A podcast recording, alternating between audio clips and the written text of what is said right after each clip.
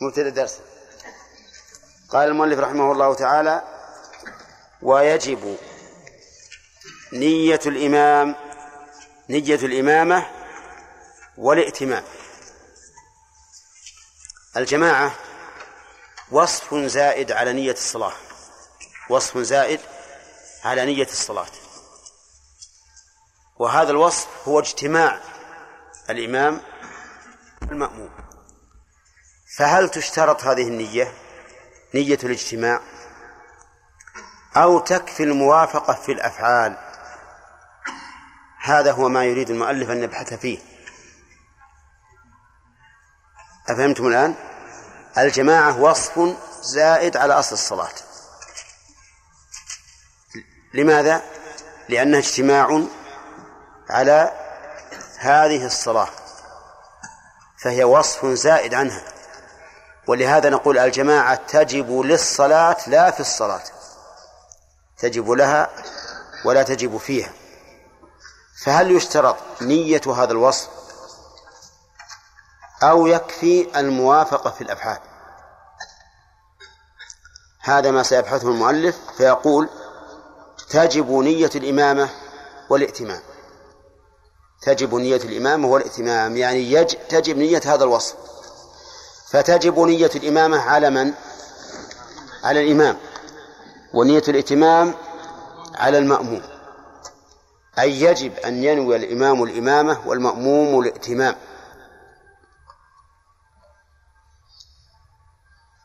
وذلك لقول النبي صلى الله عليه وسلم إنما الأعمال بالنيات وإنما لكل امرئ ما نوى. ولا شك أن هذا شرط لحصول الثواب ثواب الجماعة. لا يمكن أن ينال ثواب الجماعة إلا بنيتها. لكن هل هو شرط لصحة الصلاة؟ المؤلف يرى أنه شرط لصحة الصلاة. وأن الإمام إذا لم ينوي الإمامة والمأموم إذا لم لم لم ينوي الائتمام فصلاتهما باطلة. وخلاف النية خلاف نية الإمام الإمامة والمأموم الائتمام خلافها صور. الصورة الأولى أن ينوي الإمام أنه مأموم والمأموم أنه إمام. فهذا لا تصح لا شك. أولى. لماذا؟ للتضاد. لأن عمل الإمام غير عمل المأموم. الثانية أن ينوي كل واحد منهما أنه إمام الآخر. هذا أيضا لا يصح للتضاد لأنه لا يمكن أن يكون الإمام في نفس الوقت ها مأموما. الصورة الثالثة أن لا ينوي ذلك. نعم مش قلنا الصورة الأولى. أن ينوي الإمام الائتمام والمأموم الإمامة. الصورة الثانية أن ينوي كل منهما أنه إمام الآخر. الصورة الثالثة أن ينوي كل واحد منهما أنه مأموم الآخر. مأموم الآخر. فهذا أيضا لا يصح. كيف يكون المأموم هو الإمام؟ وإذا نوى كل منهما أنه مأموم الآخر ظهر بلا إمام. لم يكن له إمام وإذا نوى كل واحد منهما أنه إمام الآخر لم يكن هناك مأموم. طيب الصورة الرابعة أن لا ين... أن ينوي المأموم الائتمام ولا ينوي الإمام الإمامة. أن ينوي المأموم الائتمام ولا ينوي الإمام الإمامة. مثل أن يأتي شخص إلى إنسان يصلي فيقتدي به ينوي أنه إمامه وهذا الذي يصلي لم يعلم به أي لم يعلم أن أحدا يصلي وراءه على أنه إمام له. فما الحكم؟ يرى المؤلف أن الصلاة لا تصح. لا الإمام لا صلاة الإمام لأنه ما نوى. قصدي ما تصح باعتبار الجماعة. الإمام لا تصح صلاة صلاته جماعة لأنه لم ينوي. والمأموم لا تصح صلاته أصلا لأنه نوى الائتمام بمن لم يكن إماما له. فلا تصح صلاته. طيب هذا هو الذي مشى عليه المؤلف. والقول الثاني في المسألة القول الثاني في المسألة أن ذلك صحيح. أي أنه يصح أن يأتم الإنسان بشخص لم ينوي الإمامة. واستدل أصحاب هؤلاء القول أصحاب هذا القول بأن النبي صلى الله عليه وسلم قام يصلي في رمضان ذات ليلة. فاجتمع إليه ناس فصلوا معه ولم يكن علم بهم. لم يكن علم بهم. ثم صلى في الثانية والثالثة وعلم بهم ولكنه تأخر في الرابعة خوفا من أن تفرض عليه. وهذا مذهب الإمام مالك وهو أصح. أنه يجوز أن يأتم الإنسان بمن لم ينوي الإمامة. لهذا الحديث ولأن المقصود هو المتابعة وقد حصلت. وفي هذه الحال يكون للمأموم ثواب الجماعة ولا يكون للإمام. لأن المأموم نوى فصار له ما نوى والإمام لم ينوي فلا يحصل له ما لم ينوه. المسألة السادسة الصورة السادسة. السادسة. أنا أقول السادسة. نعم. السادسة أن ينوي الإمام الإمامة دون المأموم. أن ينوي الإمامة دون المأموم. كإنسان جاء إلى جنبه واحد وكبر. فظن الأول أنه يريد أن يكون مأموما مأموما فيه. فنوى الإمامة وذاك لم ينوي الائتمام فهنا لا تحصل لا يحصل ثواب الجماعة لا للإمام ولا للمأموم. لماذا؟ لأنه ليس هناك جماعة. المأموم ما أتم بالإمام ولا اقتداء به ولا نواه إماما. والإمام نوى الإمامة لكن بمن؟ ها؟ بغير أحد. فلا يحصل ثواب الجماعة من غير أن يكون هناك جماعة. وهذه لو قال قائل بصحتها لم يكن بعيدا بشرط أن المأموم يقتدي بالإمام. أما إذا لم يقتدي فلا شك أن أن الجماعة لا تحصل. طيب المؤلف لا يرى من هذه الصور الست, الست شيئا صحيحا وإنما يرى أن الصورة الصحيحة هي أن ينوي الإمام إيش؟ الإمامة والمأموم الائتمام ولهذا قال وتجب نية الإمامة والائتمام طيب.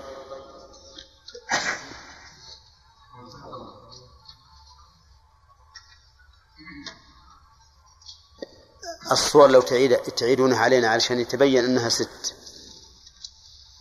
نعم. اولا أن ينوي الامام الامام ولن الماموم ان ينوي الامام انه امام نعم ان ان يكون رجلا أن كل منهما ينوي إنه إمام وماموم أي صورة؟ شلون؟ كل منهما ينوي إنه إمام وماموم ما أصير إيه ندور غيرك يا رجال. ها. الصورة الأولى يكون تضاد بين الإمام والمأموم. أن ينوي المأموم أنه إماما والعكس أن ينوي الإمام المأموم أنه إمام والإمام أنه مأموم. طيب. الصورة الثانية أن يتفقا في نفس إيش هو؟ يتفقا على أنهما كلاهما مأموم. أن أن ينوي كل واحد منهما أنه مأموم. الثالثة؟ أن أن كل واحد منهما إماما. أن ينوي كل واحد منهما أنه إمام. ها. الصورة الرابعة أن ينوي لا ينوي الإمام شيئا وينوي المأموم أنه مأمون ها. طيب. أن ينوي المأموم الائتمام ولا ينوي الإمام الإمامة. الصورة الخامسة؟ نعم. أن أن ينوي الإمام إماما الإمامة ولا ولا ينوي المأموم الائتمام طيب هذه خمس. ها؟ الإمام هو إمام ها ها لا هذه هذه صحيحة. نريد خلاف الصحيح. نعم. ذكرناها. أي أن لا ينوي شيئا. أن لا ينوي شيئا. يعني بأن يتابعه بدون نية. بأن يتابعه بدون نية. يعني تكون جازت له الصلاة ومتركد وطيب وصار يتابعه ولكن بدون نية. وهذا ممكن. هذا يمكن.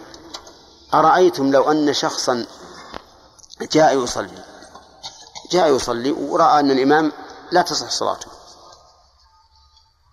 وخجل أن يخرج فصار يتابع الإمام بدون بدون نية أنه مأموم. يمكن هذا ولا لا؟ ويوجد بعض الناس أيضا يغلب عليه الحياء الذي يعتبر جبنا. يحدث وهو يصلي وهو مأموم. ويخجل أن ينطلق ليتوضأ. وش يعمل؟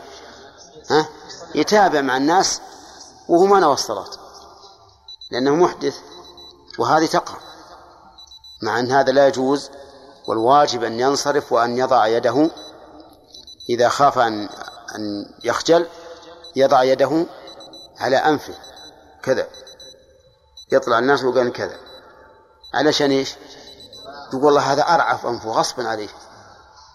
ولا ولا ولا حد يخجله في هذا الشيء. أي نعم. طيب على كل حال صارت المخالفة كم؟ ست صور. الصورة السابعة الصحيحة أن ينوي الإمام أنه أنه إمام والمأموم أنه مأموم طيب كيف؟ إيش؟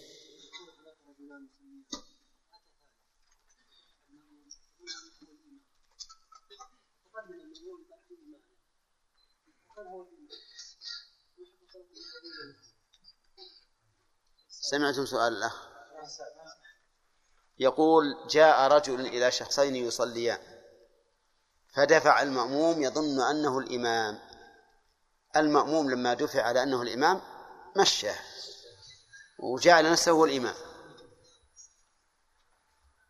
ما تقولون في هذا ها؟ لكن هذا رجل عام ما يعرف اليسار من اليمين ها؟ هذا ما يصح لأنه سيكون إمام وال- والإمام الأول إمام إماما. لكن لو يصير تضاد لكن لو أن الإمام الأول لما رآه تقدم قلب نية الإمامة إلى ائتمام فيكون عندنا قلب وقلب النية سيأتي إن شاء الله الكلام عليه وع- وعلى صوره. نعم. إن استمر كل واحد منهما أنه إمام ما صح. نعم. لو دخل مسافر على رجل يصلي فريضة. وهو في التشهد الأخير. فجلس معه آه، عندما سلم. جلس فج- فجلس مع صاحب الفريضة نعم. التشهد الأخير. نعم. عندما سلم. يصلي رباعية. ها؟ دخل مسافر مع إمام يصلي رباعية في التشهد الأخير. الأخير. طيب. هل هل إذا إذا سلم يتم رباعية أو ثنائية؟ سمعتم السؤال؟ يقول هل يتم رباعية أو ثنائية؟ رجل دخل مع الإمام المقيم الإمام الذي يصلي أربعا في التشهد الأخير. هل يلزمه أن يتم أربعا أو أو يصلي ركعتين؟ يلزمه أربعا. لقول النبي صلى الله عليه وسلم إنما جعل الإمام ليؤتم به. بل بل لقوله ما أدركتم فصلوا وما فاتكم فأتموا. دعنا ما قال الرسول فإن أدركتم الصلاة فصلوا لو قال إن أدركتم الصلاة صح أن تبنى على مسألة ما, ما, ما, تترك به الجماعة ولهذا بعض الناس ظن أن هذه المسألة مبنية على إدراك الجماعة. وقال إن إدراك الجماعة على قول الراجح لا يكون إلا إلا بركعة. نحن نقول هذه ليست مبنية على إدراك الجماعة. لأن الرسول صلى الله عليه وسلم لم يقل فإن أدركتم الجماعة فأتموا ما فاتكم. اصبروا يا جماعة خلينا نحرر المسألة دي. المسألة هذه للجميع وكثيرا ما تقع. وكثيرا ما تشكل لأن شيخ الإسلام ابن تيمية رحمه الله في هذه المسألة قال إن أدرك ركعة أتم أربعا وإن أدرك أقل فله أن يقصر. لكن عندي إن هذا فيه نظر. لأن عموم الحديث ما أدركتم فصلوا وما فاتكم فأتموا يتناول هذه الصورة. وهذا الرجل الآن فاته أربع ركعات. سيتم أربعا. ما في دليل ما أعلم دليل خاص. نعم؟ لا لا ما هو بهذا ما هو من هذا. هذا إذا كان الإمام مسافر الذي تقول.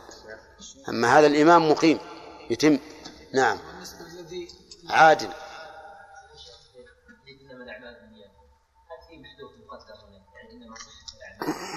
لا لا لا. نعم. بالنسبة للذين لم ينويا هل تصح صلاتهم ولا لا؟ الذي؟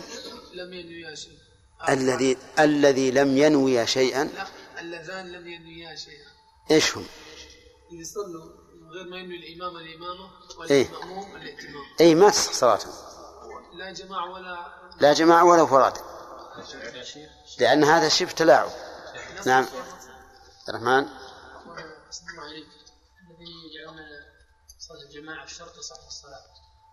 هل يلزمون من صلى منفردا وحضر الجماعة في أثناء الصلاة ما هو بالظاهر. الظاهر أنهم لا يلزمونه.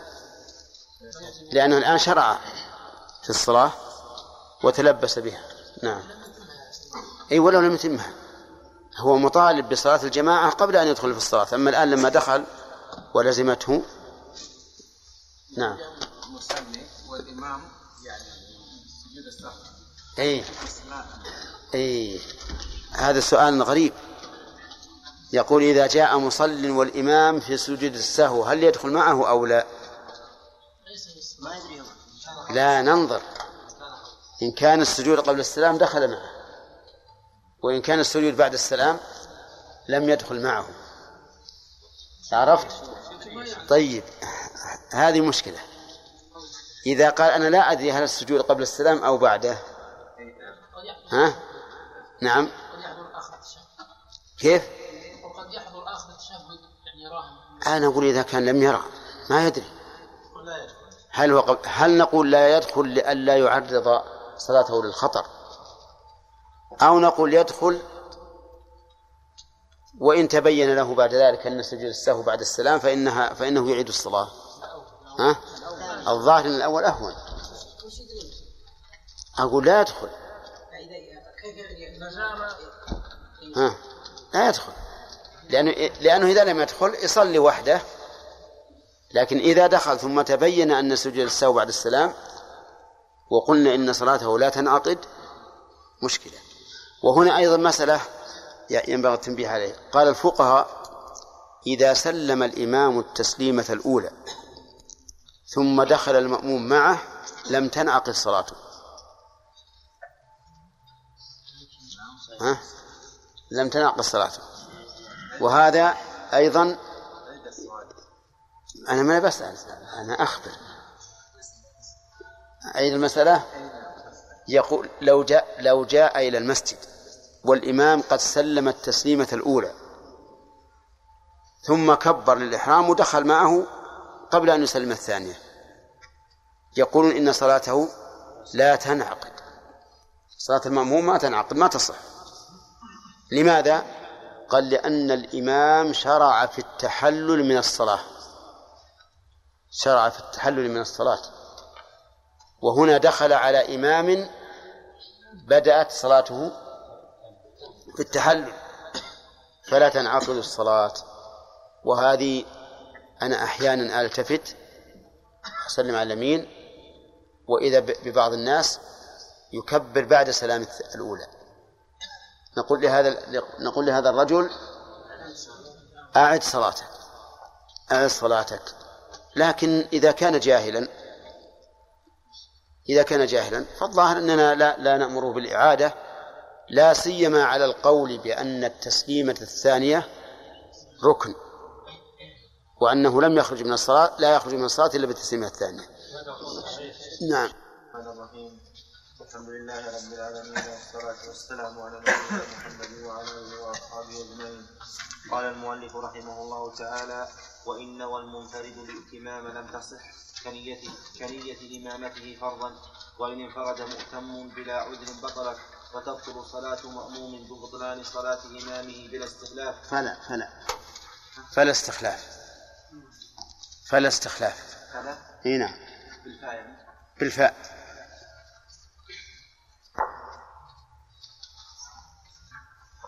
وتبطل صلاة مأموم ببطلان صلاة إمامه فلا استخلاف.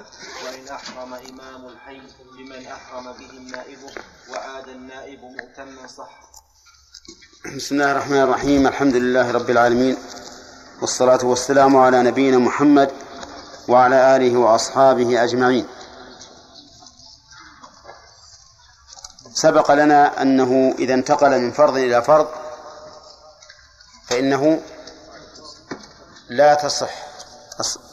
يبطل الأول لإبطاله إياه بالنية ولا ينعقد الثاني لأنه لم ينوه بتكبيرة الإحرام. وسبق لنا أن هذه القاعدة مضطردة في كل انتقال من معين ها إلى معين. أو من مطلق إلى معين.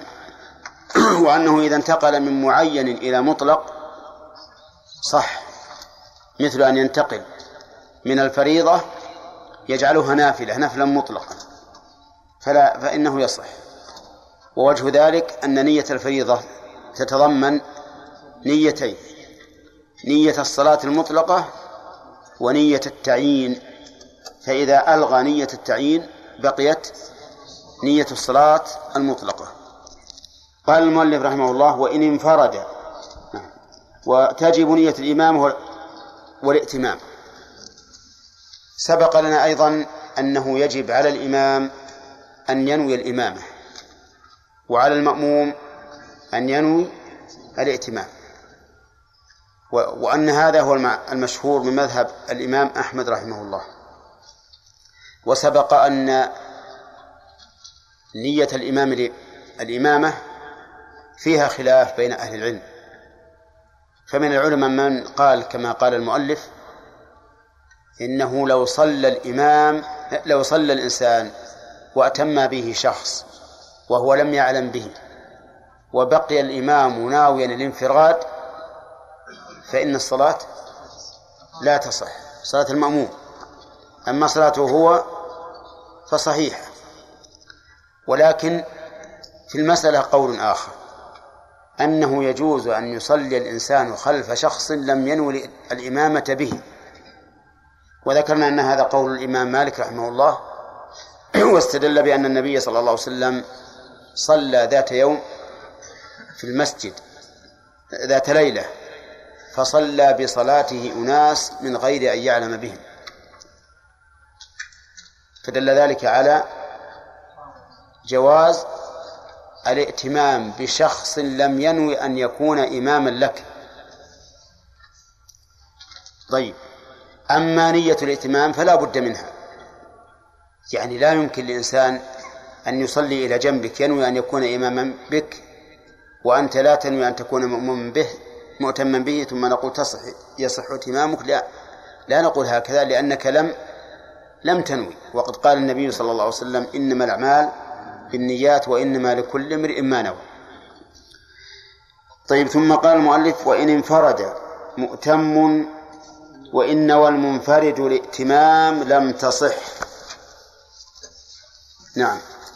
إن نوى المنفرد الائتمام لم تصح. يعني شخص ابتدأ الصلاة منفردا. ثم حضرت جماعة فصلوا جماعة فانتقل من انفراده إلى الائتمام بالإمام الذي حضر. فإنه فإن صلاته على المذهب لا تصح تبطل. ما الدليل؟ ليس هناك دليل ولكن هناك تعليل. لأنه نوى الائتمام في أثناء الصلاة. فتبعضت النية حيث كان في أول الأمر منفردا ثم كان مؤتما. فلما تبعضت النية بطلت الصلاة. كانتقاله من فرض إلى فرض. وهذا هو المذهب والقول الثاني وهو رواية أيضا عن أحمد أنه يصح أن ينوي المنفرد الائتمام والمثال كما سمعتم رجل شرع يصلي وحده ثم حضر جماعة فنوى الدخول معهم نوى الدخول معهم فالمذهب تبطل صلاته من حين أن ينوي الدخول معهم. فإن استمر استمر بصلاة باطلة. والقول الثاني أن ذلك صحيح لأن الاختلاف هنا اختلاف في صفة في صفة الصلاة. كان بالأول منفردا ثم صار مؤتما. ليس تغييرا لنفس الصلاة بل هو تغيير لصفة من صفات الصلاة. فيكون ذلك جائزا. قالوا والدليل على هذا أنه قد ثبت في السنة صحة انتقال الإنسان من انفراد إلى إمامة. كما سيأتي إن شاء الله. فدل هذا على أن مثل هذا التغير لا يؤثر. فكما تصح فكما يصح الانتقال من انفراد إلى إمامة يصح الانتقال من انفراد إلى ائتمام ولا فرق.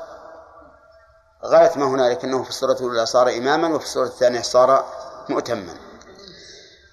فإذا قال قائل على القول بالصحة وهو الصحيح إذا كان قد صلى بعض الصلاة وحضر هؤلاء الجماعة ولنفرض أنهم أن ذلك في صلاة الظهر وكان قد صلى ركعتين قبل حضور الجماعة فلما حضر الجماعة دخل معهم. وحينئذ سوف تتم صلاته إذا صلى الجماعة ركعتين. فماذا يصنع؟ نقول يجلس يجلس لا يتابع الإمام. لأنه لو تابع الإمام للزم أن يصلي ستا وهذا لا يجوز. فيجلس وينتظر الإمام ويسلم معه. وإن شاء نوى الانفراد وسلم وانصرف. فهو بالخيار إن شاء انتظر وإن شاء نوى الانفراد وسلم وانصرف. عرفتم؟ وإن كان دخل معهم في أول صلاته. فماذا يصنع؟ ها؟ يتابعهم ويسلم معهم ولا إشكال في المسألة. طيب هذه واحدة. وكنية إمامته فرضا.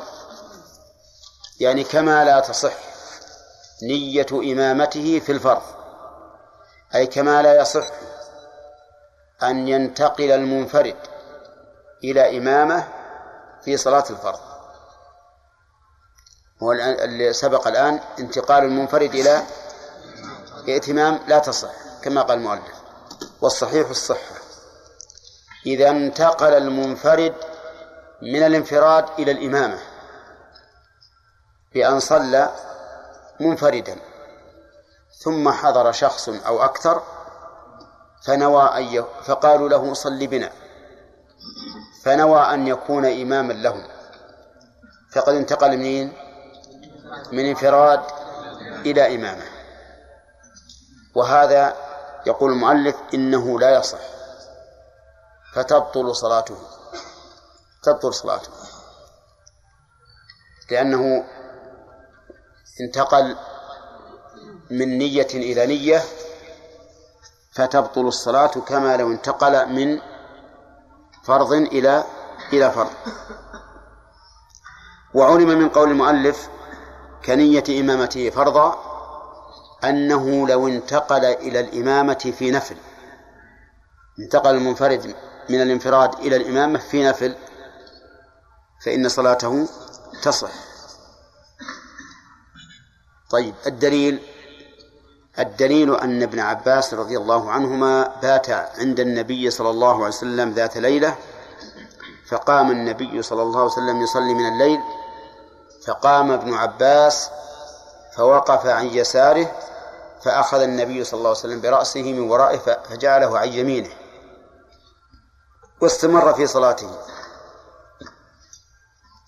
فانتقل النبي صلى الله صلى الله عليه وسلم هنا من أين؟ من أي شيء؟ من انفراد إلى إمامة.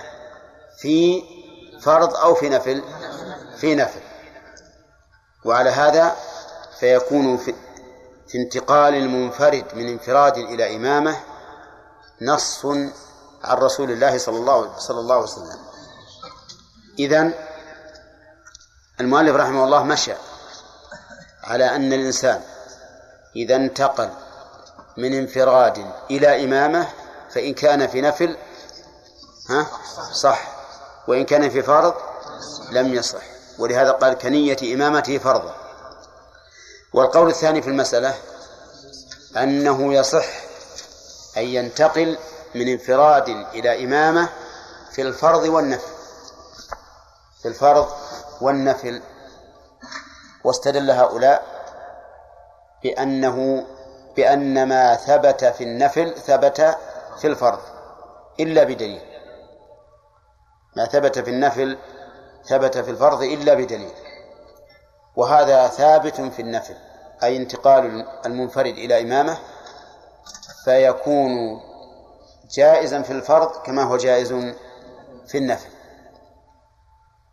والدليل على أن ما ثبت في الفرض ثبت في النفل إلا بدليل أن الصحابة الذين رووا أن النبي صلى الله عليه وسلم كان يصلي على راحلته في السفر حيثما توجهت به قالوا غير أنه لا يصلي عليها الفريضة. فدل هذا على أنه من المعلوم عندهم أن ما ثبت في النفل ثبت في الفرض. ولولا ذلك لم يكن لاستثناء الفريضة وجه. على كل حال القول الثاني في هذه المسألة إيش؟ أنه يصح أن ينتقل من انفراد إلى إمامة في الفريضة وفي النافلة. القول الثالث في المسألة أنه لا يصح أن ينتقل من إمامة من انفراد إلى إمامة لا في الفرض ولا في النفل. كما لا يصح أن ينتقل من انفراد إلى ائتمام لا في الفرض ولا في النفل وهذا هو المذهب عند الحنابلة. فيكون المؤلف هنا خالف المذهب. مشى على خلاف المذهب. فالمذهب عند عند المتأخرين أنه لا يصح لا في الفرض ولا في النفل ولكن الصحيح أنه يصح. في الفرض وفي النفل. أما النفل فقد ورد به النص وأما النفل فلأن ما ثبت في وأما الفرض فلأن ما ثبت في النفل ثبت في الفرض إلا بدليل. طيب إذا قال قائل ماذا يجيب القائلون بأنه لا يصح في الفرض ولا في النفل؟ عن حديث ابن عباس. فالجواب يجيبون عنه بأن النبي صلى الله عليه وسلم صلى منفردا وهو يغلب على ظنه أن ابن عباس سيصلي معه وبنوا على ذلك أنه إذا انتقل المنفرد من انفراد إلى إمامة وكان قد ظن قبل أن يدخل في الصلاة أنه سيأتيه شخص يكون إماما له فإن ذلك صحيح. قالوا لأنه لما ظن أنه سيحضر معه شخص فقد نوى الائتمام الإمامة في ثاني الحال من أول الصلاة. فلا يضر.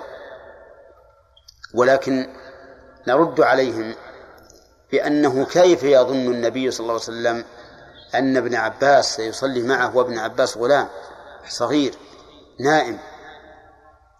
هذا من أبعد ما يكون. هذا من أبعد ما يكون. ثم إن نقول ثم نقول إن دعوى الظن دعوى وجود شيء. دعوى وجود شيء الأصل عدمه. فمن يقول إن الرسول عليه الصلاة والسلام قد ظن ذلك؟ فصار قولهم هذا مردودا من وجهين. الوجه الأول بعد ظن الرسول عليه الصلاة والسلام أن ابن عباس سيصلي معه وهو غلام صغير نائم. والثاني أن نقول حتى وإن لم يكن ذلك بعيدا فمن الذي يقول إن الرسول ظن ذلك؟ هذا يحتاج إلى دليل لأن الأصل عدم ظنه ذلك. واضح؟ وحينئذ فيكون هذا الرد على حديث ابن عباس مردودا. فيبقى حديث ابن عباس محكما سالما من المعارضة ويقاس على النفل الفرض قياسا لا شبهة فيه. وحينئذ لنا انتقالان. انتقال من انفراد إلى ائتمام فالمذهب لا يصح لا في الفرض ولا في النفل والصحيح صحته في الفرض والنفل. ثانيا انتقال من انفراد إلى إمامة. وهذا المذهب لا يصح لا في الفرض ولا في النفل. والصحيح أنه يصح في الفرض وفي النفل وهناك قول يفصل فيقول يصح في النفل ولا يصح في الفرض وهو الذي مشى عليه صاحب المختصر. طيب. الانتقال من من من إمامة إلى انفراد ومن ائتمام إلى انفراد يعني عكس ما عكس ما ذكرنا ولا لا؟ ها؟ الأول انتقال من انفراد إلى ائتمام والثاني من إماء من انفراد إلى إمامة الثالث العكس أن ينتقل من ائتمام إلى انفراد فهل هذا جائز؟ استمع وإن انفرد مؤتم بلا عذر بطلت. إن انفرد مؤتم بلا عذر بطلت. وهذا نعبر عنه بالانتقال من ائتمام إلى انفراد. هل يجوز أو لا؟ يقول المؤلف في هذا تفصيل. إن كان هناك عذر جاز. وإن لم يكن عذر لم يجز إن كان هناك عذر جاز وإن لم يكن عذر لم يجز مثال ذلك دخل المأموم مع الإمام في الصلاة ثم طرأ عليه أن ينفرد. فانفرد وكمل وأتم صلاته منفردا وانصرف. نقول إذا كان لعذر ها؟ فصحيح. وإن كان لغير عذر ها؟ فغير صحيح. فغير صحيح. طيب. مثال العذر. من الأعذار تطويل الإمام. تطويل الإمام تطويلا زائدا على السنة. فإنه يجوز للمأموم أن ينفرد. ودليل ذلك قصة الرجل الذي صلى مع معاذ رضي الله عنه. وكان معاذ يصلي مع النبي صلى الله عليه وسلم العشاء ثم يرجع إلى قومه فيصلي بهم تلك الصلاة. فدخل ذات ليلة في الصلاة فابتدأ سورة البقرة. فانفرد رجل فرد رجل وصلى وحده ومشى. فلما علم به معاذ رضي الله عنه قال إنه قد نافق حيث خرج عن جماعة المسلمين ولكن الرجل شكى ذلك إلى النبي صلى الله عليه وسلم فدعا معاذا فغضب عليه وقال له أتريد يا معاذ أن تكون فتانا؟ إذا أما أحدكم الناس فليخفف. ولم يوبخ الرجل. فدل هذا على جواز انفراد المأموم. ها؟ جواز انفراد المأموم لتطويل الإمام. لكن بشرط أن يكون تطويلا خارجا عن السنة. لا خارجا عن العادة. لو جاء إنسان وأم جماعة كان إمامهم الراتب يصلي بقراءة قصيرة وبركوع وسجود خفيف فصلى بهم هذا على مقتضى السنة فإنه لا يجوز لأحد أن ينفرد لأن هذا ليس بعذر. ومن الأعذار أن يطرأ على الإنسان ما يمنع كمال الصلاة. ما يمنع كمال الصلاة. مثل صلى مع الجماعة ففتح المكيف والمكيف أمامه ولا يستطيع أبدا أن يقابل هذا المكيف. لو بقي مقابلا له تفجر صدره. هذا عذر أن ينفرد. فيصلي ويخفف وينصرف. طيب من الأعذار أيضا؟ أن يطرأ على الإنسان تقيؤ تقيؤ في أثناء الصلاة. ما يستطيع أن يبقى حتى يكمل الإمام. فعجل في الصلاة وانصرف. من الأعذار أيضا أن يطرأ على الإنسان ريح غازات تشق يشق عليه أن يبقى مع إمامه. فينفرد ويخفف وينصرف. من الأعذار أيضا أن يطرأ عليه احتباس البول. يعني يحصر ببول أو غائط. كما لو كان في إسهال مثلا ونزل الغاء بسرعة فانفرد ليخفف الصلاة وينصرف. كل هذه أعذار. كل هذه أعذار. لكن إذا قدر أنه لا يستفيد من مفارقة الإمام شيئا لأن الإمام يخفف ولا لو خفف أكثر من تخفيف الإمام لم تحصل الطمأنينة. فهل يجوز أن ينفرد؟ لا. لماذا؟ لأنه لا يستفيد شيئا بهذا الانفراد. طيب وعلم من قول المؤلف إن انفرد مؤتم بلا عذر بطلت؟ نعم. أنه نعم أن صلاته تبطل بلا عذر وتصح مع العذر. ومن العذر أيضا. من العذر أن تكون صلاة المأموم أقل من صلاة الإمام. أقل من صلاة الإمام. مثل أن يصلي المغرب خلف من يصلي العشاء. على القول بالجواز. على القول بالجواز. فإنه في هذه الحال ينفرد ويقرأ التحيات التشهد وينصرف. أو يدخل مع الإمام إذا كان يريد أن يجمع مع مع الإمام فيما بقي من صلاة العشاء. وهذا اختيار شيخ الإسلام ابن تيمية رحمه الله وهو حق. وأظنه منصوص منصوص الإمام أحمد وأن الإمام أحمد نص على جواز هذه الصورة. طيب. إذن يجوز الانفراد في هذه الحال؟ ما ما نوع العذر؟ لا لا. عذر شرعي. لأنه لو قام مع الإمام في الرابعة بطل صلاته فهنا الانفراد لعذر شرعي. طيب. وإن انفرد بلا عذر فصريح كلام المؤلف أنها تبطل. والقول الثاني في المسألة أنها لا تبطل. أنها لا تبطل لكن هذا إن قلنا به فيجب أن يقيد بما إذا أدرك الجماعة بأن يكون قد صلى مع الإمام ركعة فأكثر. أما إذا لم يكن أدرك الجماعة فإنه لا يحل له ترك الجماعة. لكن لو صلى ركعة ثم أراد أن ينفرد على القول بأنه يجوز الانفراد بلا عذر فإنه حينئذ يجوز أن ينفرد.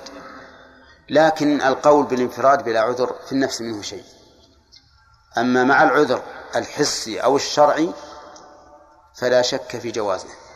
طيب هل من العذر إذا كان الإمام المأموم مسافرا والإمام مقيما فهل ينفرد المأموم إذا صلى ركعتين ويسلم؟ لا. لماذا؟ لأن المأموم إذا اقتدى المأموم المسافر إذا اقتدى بإمام يتم وجب عليه الإتمام لقول النبي صلى الله عليه وسلم إنما جعل الإمام ليؤتم به وقوله ما أدركتم فصلوا وما فاتكم فأتموا. أيهن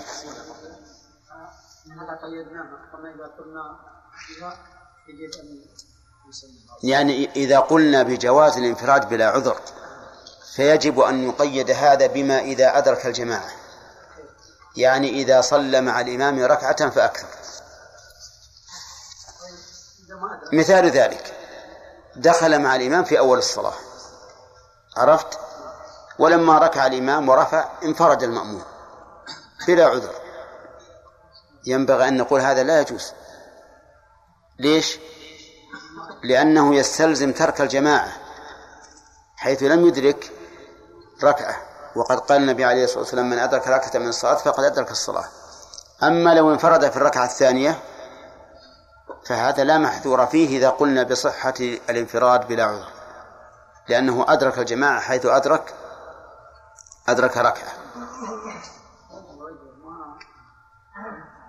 فهمتم الآن؟ لا إله إلا الله.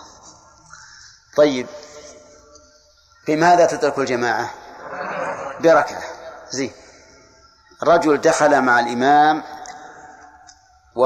وفي أثناء الركعة الأولى انفرد بغير عذر هل أدرك الجماعة؟ ما أدركها لماذا؟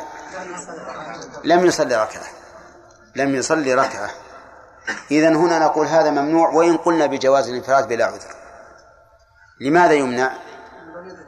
لأنه لم يدرك الجماعة والجماعة واجبة على الإنسان فلا يجوز أن ينفرد انفرادا يفضي إلى ترك الجماعة.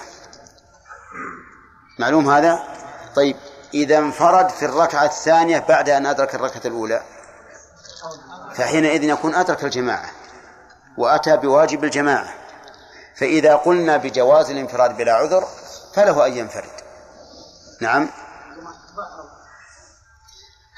ولكن القول الذي تطمئن إليه النفس أن الانفراد بلا عذر لا يجوز لأن هذا يفضي إلى التلاعب.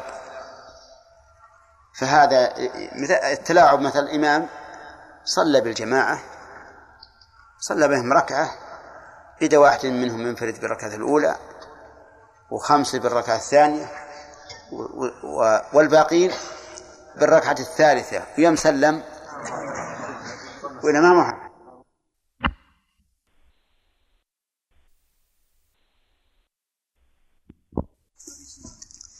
قال وإن انفرد مؤتم بلا عذر بطلت. بقي عكس الصورة الثانية وهو الانتقال من انفراد إلى إمامة. عرفتم فيه الخلاف. الانتقال من إمامة إلى انفراد هذا أيضا جائز. جائز وله صور. منها أن تبطل صلاة المأموم. يكون الجماعة مكونة من إمام ومأموم فتبطل صلاة المأموم. فهنا يتعين أن ينتقل من ها؟ من إمامة إلى انفراد لأن مأمومه بطل الصلاة. ثانيا والصورة الثانية أن ينفرد المأموم عن الإمام لعذر. فهنا ينتقل من من إمامة إلى انفراد. ضرورة. فإذا نقول إن انفرد إمام لم تبطل صلاته. إذا انفرد الإمام لم تبطل صلاته وصورته أن يكون للمأموم عذر شرعي أو حسي فينفرد. فينفرد عن إمامه ويبقى الإمام وحده. فهنا يكون انتقل من إمامة إلى انفراد. ثم قال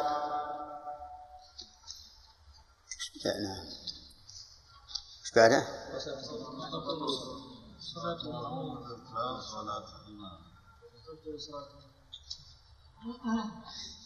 طيب لعلنا ننتقل إلى المسألة الثانية حتى يتم الانتقالات.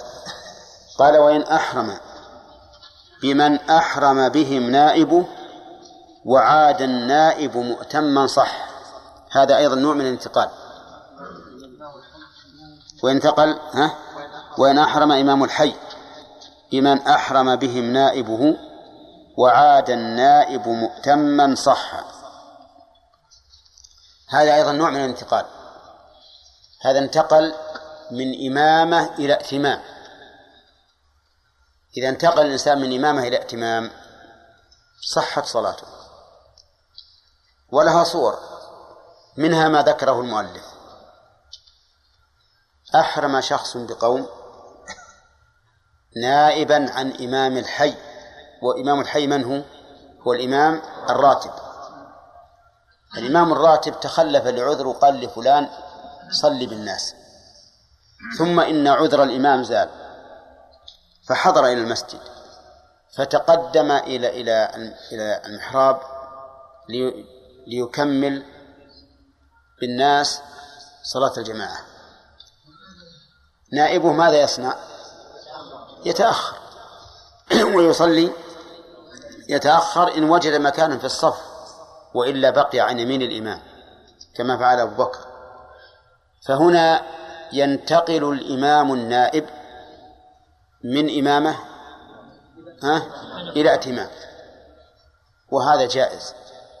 ودليله ما وقع لرسول الله صلى الله عليه وسلم حين أمر أبا بكر أن يصلي بالناس. فوجد صلى الله عليه وسلم خفة فخرج إلى الناس فصلى بهم. فجلس عن يسار أبي بكر وأبو بكر عن يمينه والنبي صلى الله عليه وسلم يكبر ولكن صوته خفي فكان يكبر وأبو بكر يكبر بتكبيره ليسمع الناس. فهنا انتقل أبو بكر رضي الله عنه من ها؟ من إمامة إلى ائتمام وهذا جائز. طيب. المأمومون. إلى أي شيء انتقلوا؟ لا انتقلوا من إمام إلى إمام آخر. لكنهم ما زالوا مؤتمين. إنما انتقلوا من إمام إلى إمام آخر. طيب. وقول المؤلف إن أحرم إمام الحي بمن أحرم بهم نائبه. نقول إن القول الراجح أنه لا فرق بين إمام الحي وغيره وأنه لو صلى إمام بجماعة ثم حضر قارئ أقرأ منه. وكان يعلم أن الجماعة يحبون أن يكون هو الإمام. فلا حرج عليه أن يتقدم ويكون إماما ويعود الإمام الأول إيش؟ مأموما ولا بأس به. طيب الانتقال من ائتمام إلى انفراد. جائز؟ ها؟ من ائتمام إلى انفراد لعذر جائز. هل من الانتقال من ائتمام إلى انفراد ما لو سلم الإمام وأحد المأمومين مسبوق؟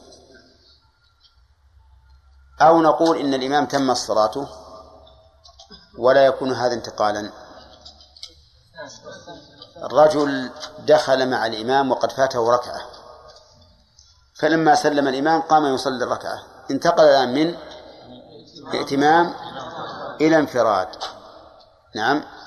لكن هذا الانفراد ضروري لأن صلاة الإمام تمت وانتهت فلا بد أن ينتقل إليه ولا بأس به. طيب دقيقة يا أخي.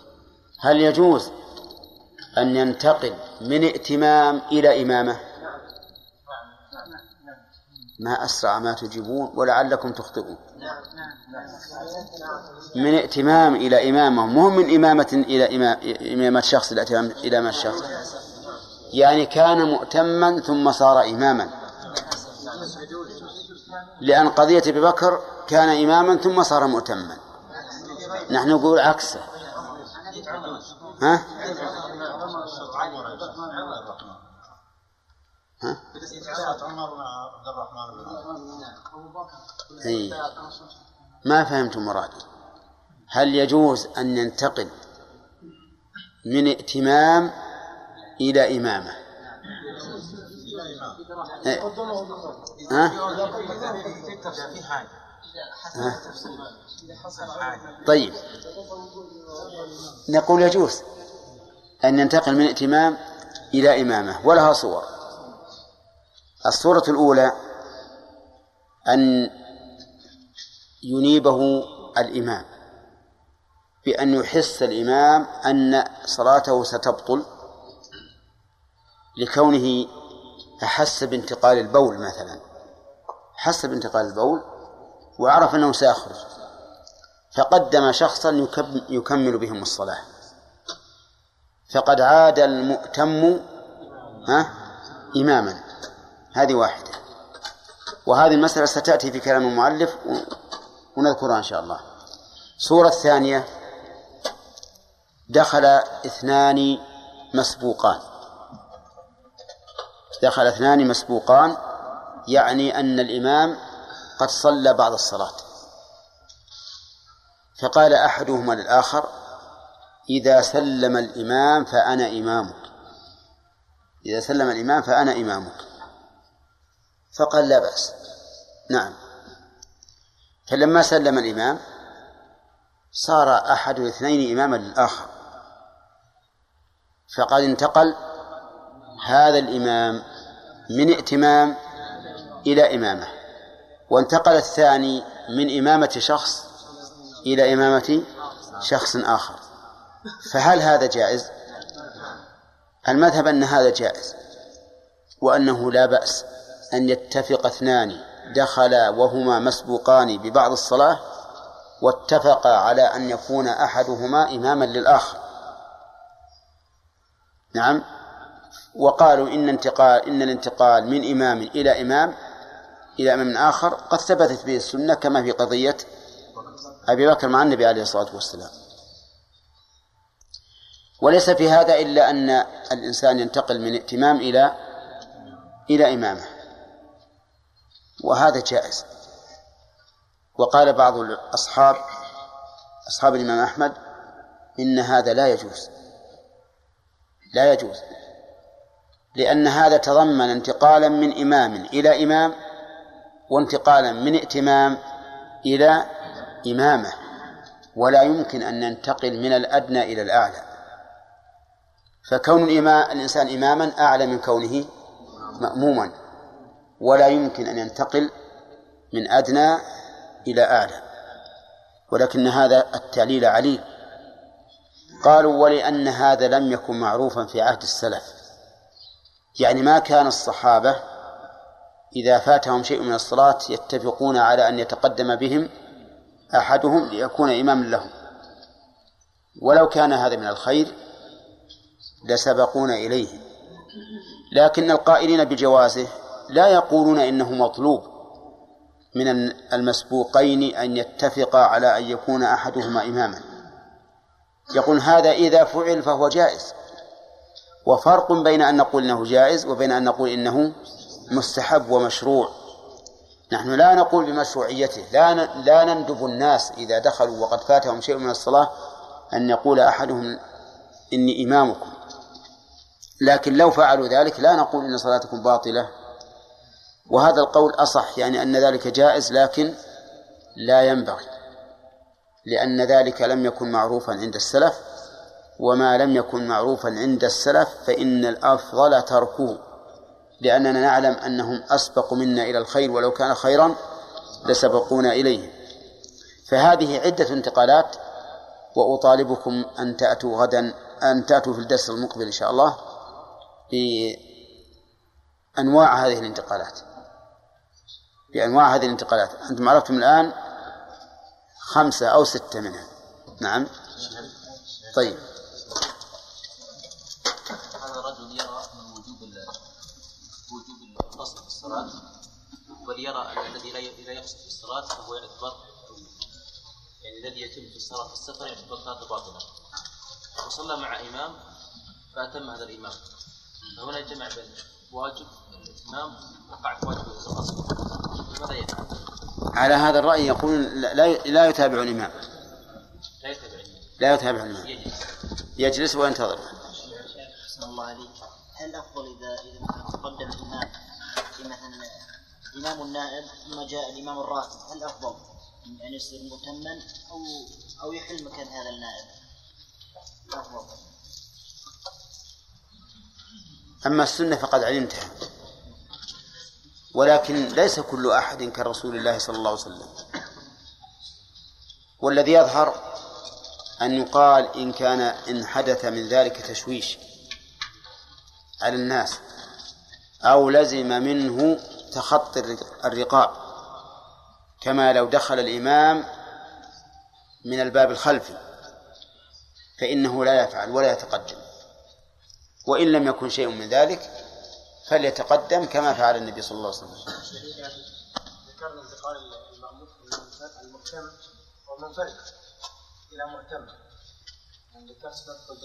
ذكرت ذلك بعد قليل ذكرنا انتقال انتقال المنفرد إمامة إلى مؤتمر أقول انتقال المنفرد إلى إمامة دليل على أنه يجوز أن ينتقل المنفرد إلى ائتمام لأن الإمامة والائتمام كلاهما وصف زائد على أصل النية. نعم. قال المؤلف رحمه الله تعالى وإن انفرد مؤتم بلا عذر بطلت وتبطل صلاة مأموم ببطلان صلاة إمامه فلا استخلاف. وإن أحرم إمام الحي بمن أحرم بهم نائبه وعاد النائب مؤتما صح بسم الله الرحمن الرحيم الحمد لله رب العالمين والصلاة والسلام على نبينا محمد وعلى آله وأصحابه أجمعين. من جملة المباحث في النية مسألة الانتقالات من صفة إلى صفة. أما الانتقال من صلاة إلى أخرى فقد سبق. الانتقال من صفة إلى صفة. نشوف نورد فيها أسئلة مناقشة. منفرد نوى أن يكون إماما.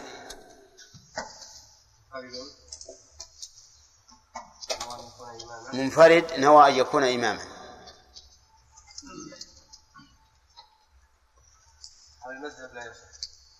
مطلقا. قول المؤلف المذهب لا يصح أقول مطلقا المذهب لا يصح. حتى وإن كان يظن أو يرجو حضور مأموم. هذا قول آخر نعم يا أحمد. ما هو المؤلف؟ المذهب الآن ما دام الأخ مطلقا. نعم. المذهب أنه غلب على ظن أنه سيأتي مؤتم فلا تنقص لأنه نوى الإمامة في أما قلنا لكم هذا؟ قلنا إذا كان يظن أن مأموما سيحضر فإن إمامته تصح قولا واحدا لأنه دخل على أنه سيكون إماما في ثاني الحال. واضح يا جماعة؟ طيب. إذن هذه تكون آه، مسألة منفردة وتصح حتى على المذهب. إذا نوى الإمامة في أثناء الصلاة بدون أن يكون مؤملا لشخص لحضور آخر. نعم. منفرد نوى الإمامة في أثناء الصلاة دون أن يكون عنده ظن أن أحدا سيحضر. صحة الصلاة أولا بين لي المذهب ثم ما مشى, ما مشى عليه الماتن ثم الصحيح. المذهب يقول أنه أنها لا تصح. لا تصح. لا في الفرض ولا في النفل وما مشى عليه المؤلف أنها أنها لا تص- لا تصح لا تصح صحة النفل صحة في النفل ولا تصح في الفرض؟ نعم. والقول القول الراجح الفرض تصح في الفرض وفي النفل نعم. لأنه ما ثبت الفرض ما ثبت في النفل أصبر ما بعد وصلنا إلى الترجيح. سبب الترجيح ما وصلنا. طيب إذا الأقوال كم صارت؟ ثلاثة. قولها لنا؟ نقول إذا نوى الإمامة. إذا نوى الإمامة. وهو منفرد في الأول. نعم. نعم. ففي المسألة؟ ثلاثة أقوال. نعم. القول الأول المذهب أن صلاته باطلة. في الفرض؟ في الفرض والنفل نعم. طيب تمام. القول الثاني أنها باطلة في الفرض دون النفل نعم. القول الثالث أنها صح صحيحة مطلقا في الفرض وفي النفل نعم. أحسن. تمام. آه، القول ال- الذي مشى عليه المؤلف الماتن ما دليله؟ استدل بفعل النبي صلى الله عليه وسلم. عندما كان ماتم عندما اثبتها في النفل في النفل قال إنها جائزة. جوزها في النفل ما دليله؟ فعل النبي صلى الله عليه وسلم ذات ليلة كان يصلي فصلى بصلاته اقوام لا. أو حديث ابن عباس رضي الله عنه. كان منفردا ثم نوى إيش الحديث؟ إنه ذات ليلة. نعم. نام النبي صلى الله عليه وسلم قام النبي صلى الله عليه وسلم الليل يصلي. قام ابن عباس رضي الله عنه. فصلى بصلاته ووقف عن يساره فاخذه إلى اليمين كان أول انفراد للرسول عليه الصلاة والسلام. أنا أريد الحديث بس لو تسوق للحديث. أن النبي صلى الله عليه وسلم ذات ليله نعم. قام فتوضأ من الليل. ها. وقام يصلي من الليل. ثم قام ابن عباس وتوضأ. نعم. وقام عن يساره. صلى الله عليه وسلم. فأخذ النبي صلى الله عليه وسلم بغرته أو بأذنه عن يساره عن- على يمينه. طيب وش الدليل؟ وجه وجه الدلالة؟ إنه كان منفردا. كان النبي صلى الله عليه وسلم منفردا ثم صار إماما. وصلاة الليل نفل. طيب. يلا عبد الرحمن إبراهيم. حجة القائلين بالجواز في الفرض والنفل. قالوا ما ثبت في النفل ثبت في الفرض إلا بدليل نعم. وقد ثبت في النفل قال ولا دليل يمنعه في الفرض. نعم ولا دليل يمنعه في الفرض. هل لك أن تأتي بدليل يدل على هذه القاعدة التي أصلت؟ وهي أن ما ثبت في النفل ثبت في الفرض إلا بدليل. ان الصحابه رضي الله عنهم لما نقلوا اقاموا صلاه النبي صلى الله عليه وسلم في السفر قالوا كان يصلي على راحلته على راحلته كان يصلي على راحلته اينما توجهت به قالوا غير انه لا يصلي على الفريضه لو كانت الفريضه غير كانت لها حكم النافله لما استثنى نعم. نعم. صح. وفي بعض ال- ال- الأحاديث بعد كان يوتر على راحلته حيثما توجهت به غير أنه لا يصلي عليه المكتوبة. طيب. دليل القائلين ب... ب... بالمنع لأنه لا يصح لا في الفرض ولا في النفل. عبد الرحمن؟ قال لأن لأن هذا دخل دخل يعني في الصلاة ثم أبطلها فبطل وانتقل إلى يعني نيتين ما يصير يعني غير غير النية. يعني دخل في الصلاة بنية الانفراد فغير تلك النية إلى نية أخرى. نية والإمامة لا تصح إلا من أول الصلاة. طيب. ولكن القول الراجح ما أنها تصح لأن هذا ليس تغيير نية الصلاة. لم ينتقل من صلاة إلى صلاة ولكن تغيير نية صفة صفة في صلاة. منفرد مؤتم إمام طيب. إذا انتقل من انفراد إلى ائتمام الأخ.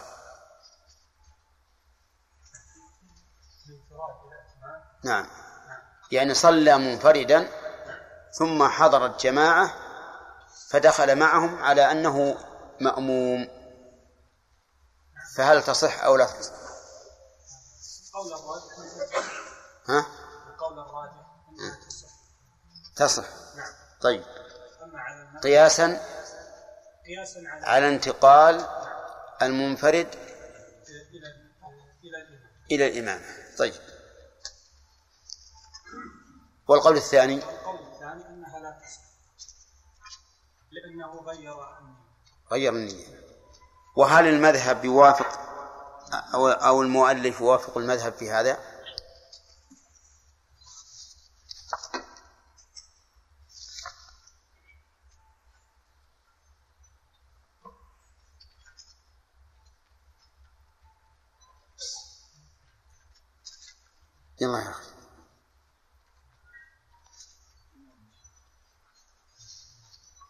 شيبة.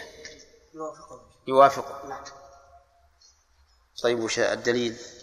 كلام المؤلف شو يقول؟ إن نوى المنفرد إن هو المنفرد الائتمام لم تصح. طيب صح. آه، انتقل من ائتمام إلى انفراد يا آدم.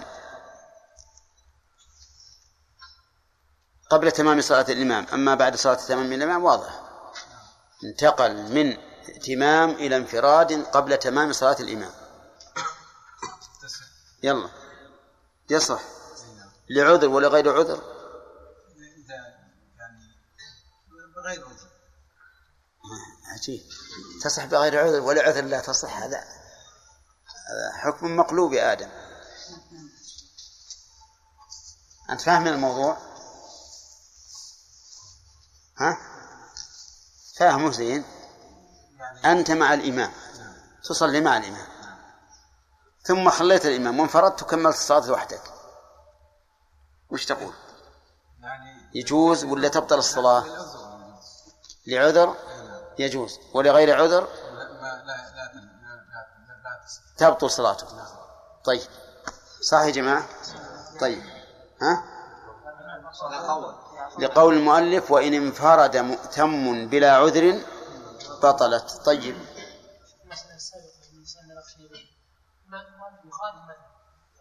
لا. الله يهدينا. هذاك الإمامة اللي في الفرض. لا. وإن انفرد مؤتم و... نعم. يقول المؤلف هنا وإن والمنفرد الائتمام لم تصح. لا لا ما هي غلط. غلط. عندنا غلط. غلط اشطب عليها اشطب عليها طيب. نريد صورا لانفراد المأموم لعذر. نعم يا أي نعم.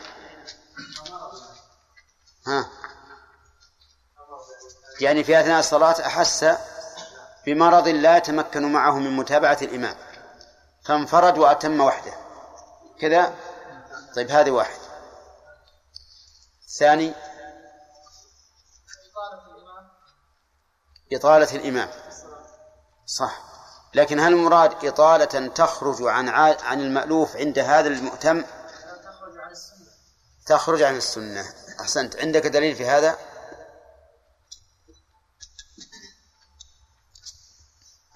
أصبر يا جماعة.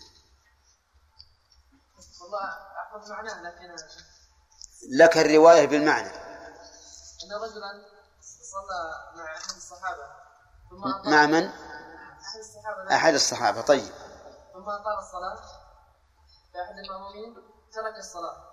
ثم ذهب يش- يشكو لرسول الله صلى الله عليه وسلم. والنبي صلى الله عليه وسلم آه، آه، وبخ الصحابي على الإطالة. ولم ولم ينكر ولم ينكر على المأموم قطعه للصلاة. أحسنت. ما قطع الصلاة. ما قطع. لا. قطع الصلاة. قطع الصلاة. طيب. صحيح. و و والإمام هو معاذ بن جبل رضي الله عنه. طيب. وهو من أفقه الصحابة. نعم. معاذ بن جبل. وهو من أفقه الصحابة. طيب يا غانم. الصورة الثالثة. نعم. أصابته ريح غازات بحيث لا يستطيع أن يكمل مع الإمام. طيب فله أن- ينفرد ويتمم وينصرف. كذا؟ طيب. ومن ذلك صلاة الخوف. فإن الطائفة الأولى ها تنفرد. إذا صلى الإمام ركعة انفردت وأتمت لنفسها وذهبت تجاه العدو. طيب بعض العلماء استثنى في مس... فيما إذا انفرد لعذر استثنى مسألة ما هي؟ ها؟ إذا كان لا يستفيد من الإنفراد صح إذا كان لا يستفيد من الانفراد شيئا فإنه لا ينفرد بحيث يكون الإمام يسرع في صلاته إسراعا على قدر ما يجب. فإننا لو فرضنا أن المأموم ينفرد ليسرع أكثر صار إسراعه مخلا ها بالواجب. وهذا الاستثناء صحيح. طيب. في أيضا من الانتقالات انتقل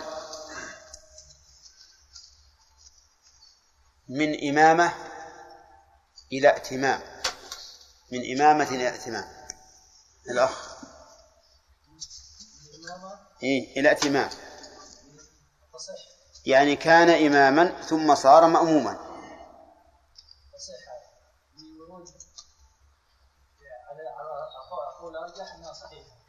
ولا ما هو بأرجح؟ الظاهر إنكم تمشون على قولين قولين وأرجح ومرجوح. هو ان الرسول صلى الله عليه وسلم عندما كان يصلي ابو بكر رضي الله عنه نعم.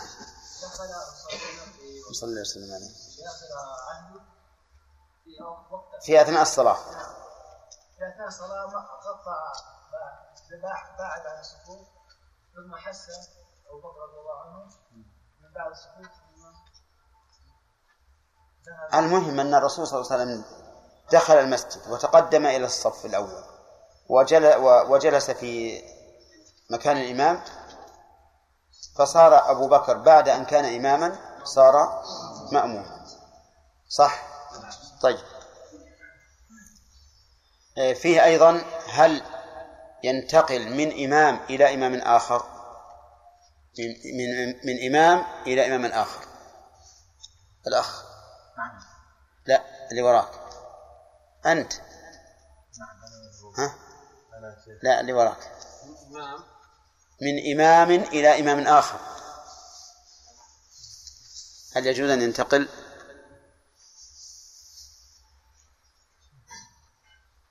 نعم. نعم ينتقل. وذلك إذا كان مثلا في صلاة المسبوق لا لا. خل هل يجوز أو لا؟ نعم يجوز لكن ما الدليل؟ ما الدليل؟ مثال يعني فقط.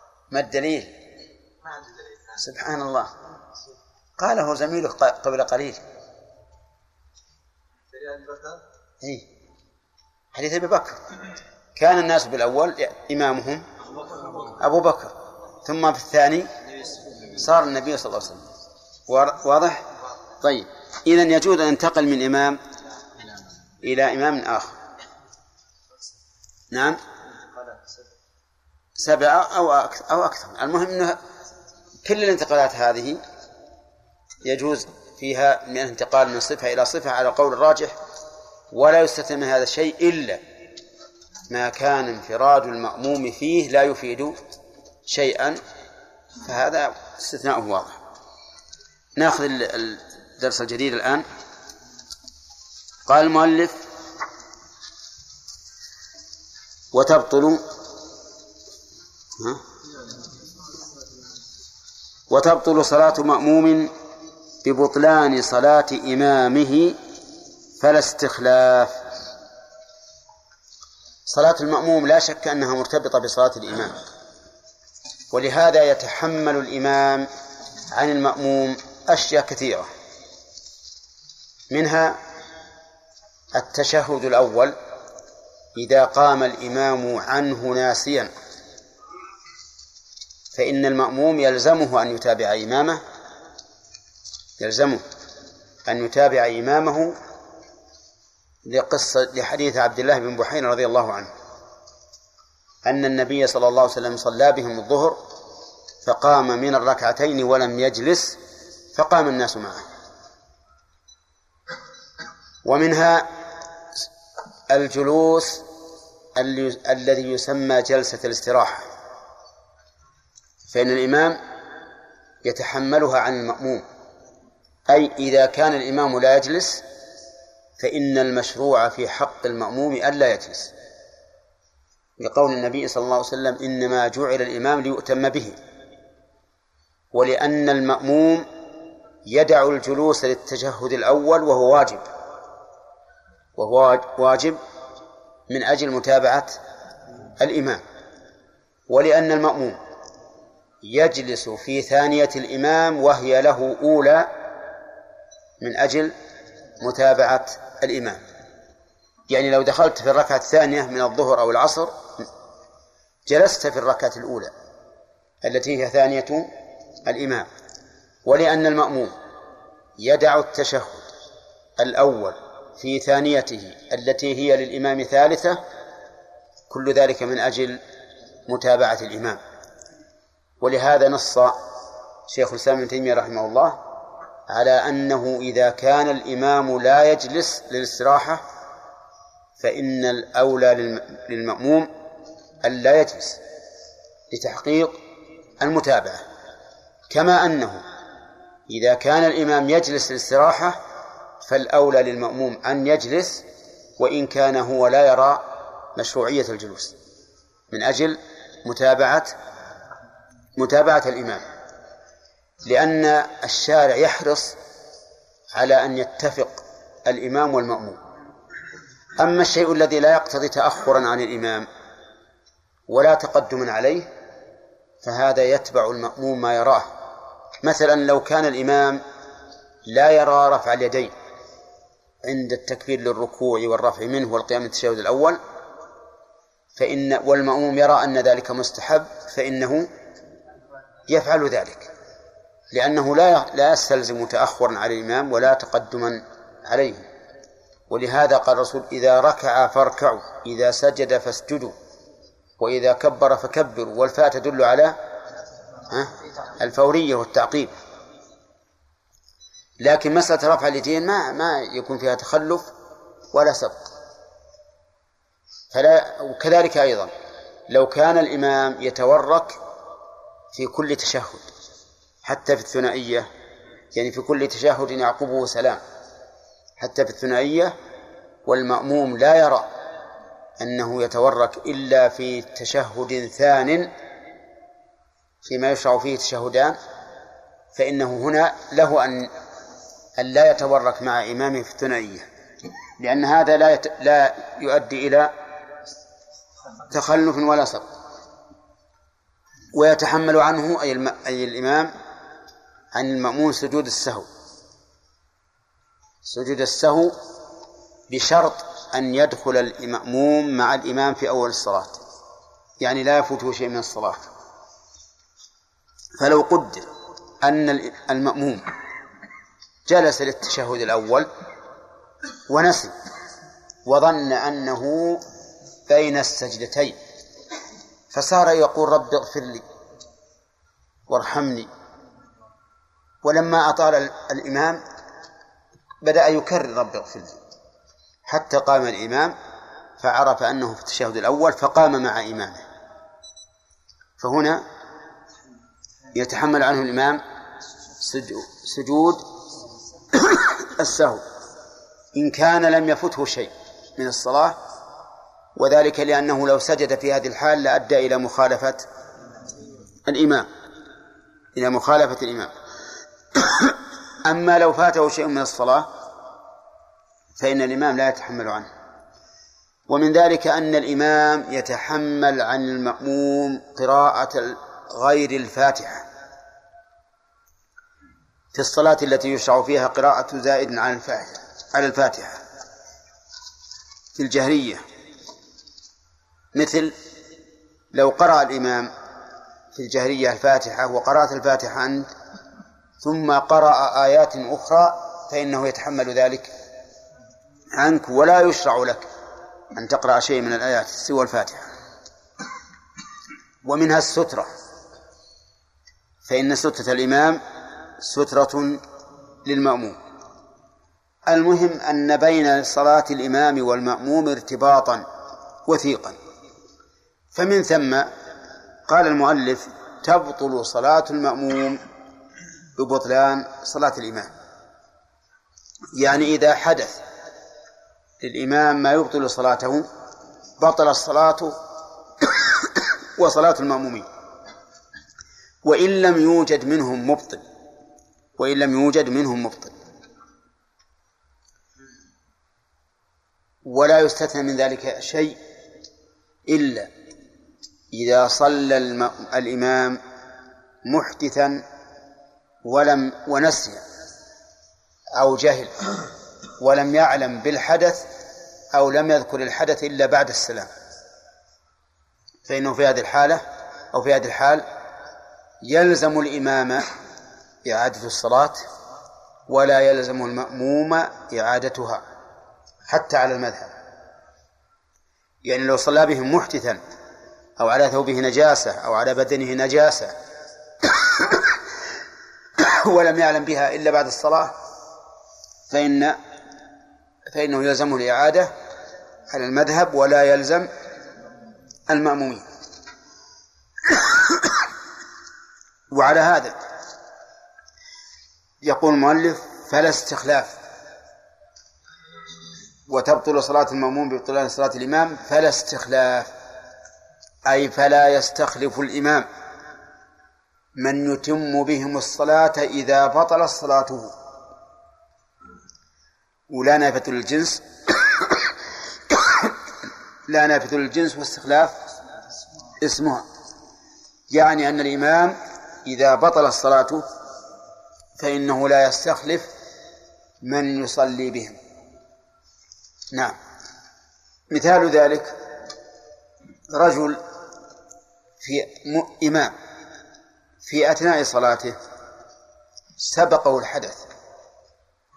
ومعنى سبقه الحدث أنه أحدث ببول أو ريح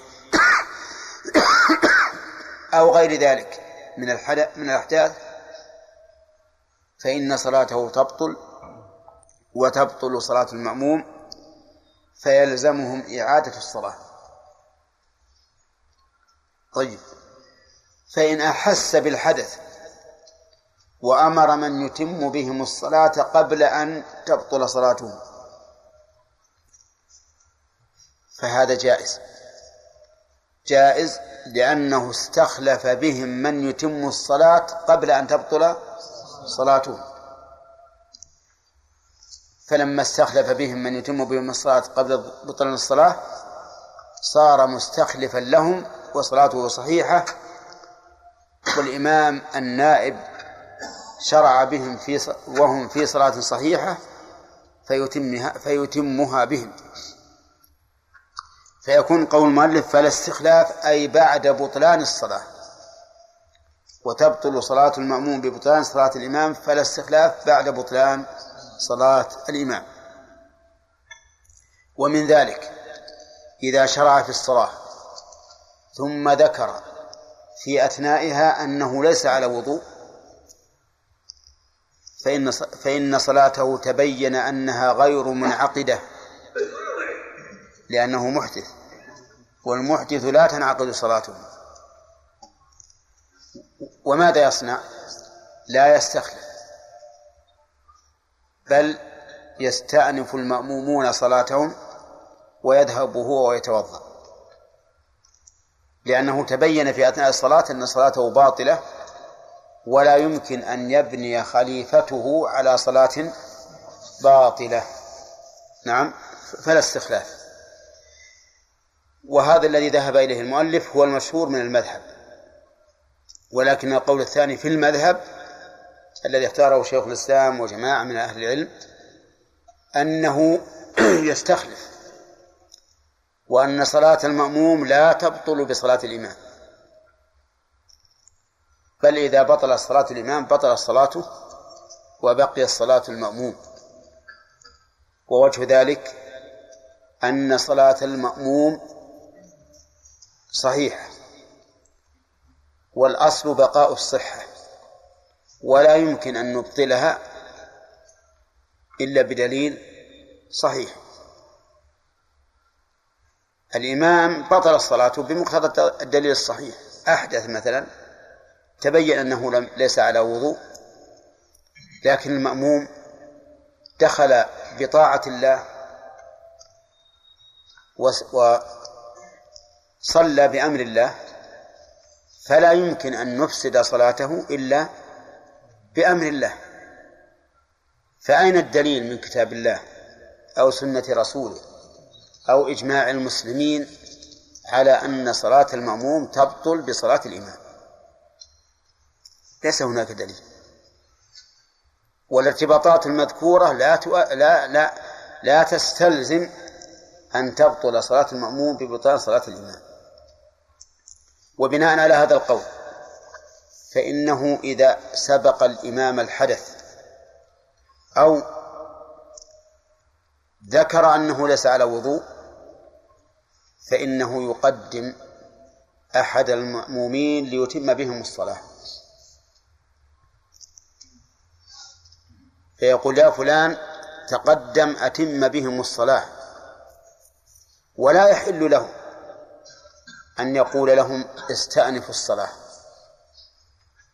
لأنه إذا قال استأنفوا الصلاة أخرجهم من فرض والخروج من الفرض لا يجوز إلا بسبب شرعي. وليس هذا سببا شرعيا. ولهذا قال العلماء من دخل في فرض حرم عليه قطعه إلا بعذر. وهذا ليس بعذر. فالأصل صحة صلاتهم وعدم جواز الخروج منها. فيقول يا فلان أتم بهم الصلاة. يعني فإن لم يقل ذلك فلهم أن يقدموا أحدهم ليتم بهم الصلاة.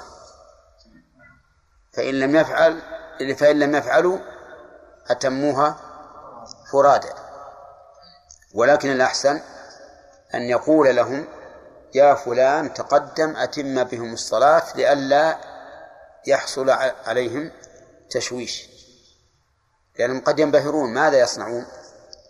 فإذا قال فلان تقدم أتم بهم الصلاة أنا أنا أحدثت أو أنا ذكرت أني علي على وضوء أو أنا حصل علي ماغص أو أنا مثلا راجت كبدي مثلا أو ما أشبه ذلك. المهم يذكر عذره أو لا يذكر إنما يقول يا فلان كمل به من أجل أن لا يقع ارتباك وتشويش على المأمون. ليس فيه هناك شيء تبطل به صلاة المأمون ببطلان صلاة الإمام إلا فيما يقوم فيه الإمام فيه مقام المأموم. الذي يقوم فيه الإمام مقام المأموم هذا هو الذي إذا اختل اختل صلاة المأموم لأن ذلك الفعل من الإمام للإمام وللمأمومين. مثل السترة. سترة الإمام سترة لمن خلفه. فإذا مرت امرأة بين الإمام وسترته بطلت صلاة الإمام وبطلت صلاة المأموم. لماذا؟ لأن هذه السترة مشتركة. هذه السترة مشتركة. ولهذا لا نأمر المأموم بأن يتخذ سترة. لا نأمر اتخذ سترة. بل لو اتخذ سترة لعد متنطعا مبتدعا. لكن فلما كان هذا الفعل مشتركا يعني السترة مشتركا بين الإمام والمأموم صار انتهاكه في حق الإمام انتهاكا في حق المأموم. فبطلت صلاة المأموم كما كما بطلت صلاة الإمام. طيب. وهنا قاعدة مهمة وهي أن من دخل في عبادة حسب ما أمر فإننا لا نبطلها إلا إلا بدليل وهنا المأمومون دخلوا في صلاة في الصلاة مع الإمام حسب ما أمر فإذا تبين للإمام في أثناء الصلاة أنه لم يتوضأ فهل جرى من المأموم تفريط؟ ها؟ أبدا المأموم تقدم إمام مسلم الأصل صحة صلاته تقدم يصلي فتقدم المأموم يصلي معه. اتقوا الله ما استطاع. فإذا ذكر الإمام أنه ليس على وضوء طيب ما علينا منه؟ نحن لو علمنا أنه على غير على غير وضوء صح. ما يجوز أن نصلي خلفه لأن لأن هذا تلاعب في دين الله. لكن لم نعلم ما ذنبنا نحن. ونحن قد قمنا بما يجب علينا من تقوى الله عز وجل والصلاة خلف إمام مسلم. ما يصلي بلا وضوء. لو أن هذا مما يبطل الصلاة لكان لقال قائل إذا إذا تقدم الإمام يقول له الناس يا إمامنا هل أنت محدث ولا على وضوء؟ ها؟ أقول لا ربما نخشى بعدين في أثناء الصلاة يذكر أنه على غير وضوء من تبطل صلاته في التشهد الأخير ذكر أنه على غير وضوء ها؟ معنى أربع ركعات كلها راحت هدرا وش ذنبنا؟ ما سوينا شيء ولا فرطنا. فنحن نخشى أنه في أثناء في في التشهد الأخير يلتفت علينا والله يا جماعة تراي ما وضوء إذا ذكروا. إذا تقدم نقول هل أنت على وضوء ولا لا؟ ما أحد يقول بهذا. إنما نصلي خلفه بناء على أن الأصل الأصل أن الصحة صلاته. الأصل صحة صلاته. ولهذا الصحابة رضي الله عنهم ذكر سيأتينا إن شاء الله في الإمامة أن عثمان بن عفان صلى في الناس وهو جنوب ناسيا فأعاد ولم يعيد أعاد ولم يعيد لكن هم يقولون عثمان لم يذكر إلا بعد بعد سلام سلامه نقول إذا قلتم بأن الصلاة. بأن الصلاة جملة صحيحة لعدم علم المأموم فصلاة بعضها فصحة بعضها من باب أولى. أي فرق بين أن يعلم المأموم قبل أن يسلم الإمام وبين أن لا يعلم إلا بعد سلام الإمام؟